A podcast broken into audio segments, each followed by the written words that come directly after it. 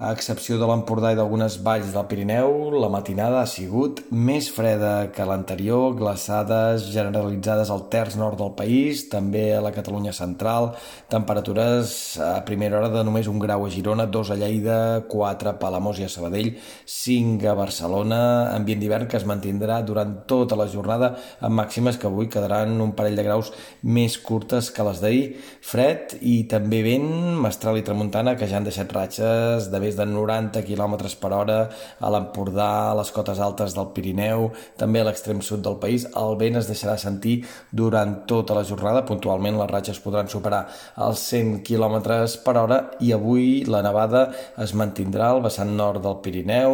a Vall d'Aran, nord del Pallars, també a Andorra i de cara a la tarda cap al tard s'estendria a la resta de la serralada i guanyaria intensitat. A la resta de Catalunya, en canvi, el diumenge en conjunt el passarem amb més sol que núvols i sense haver d'obrir el paraigua enlloc.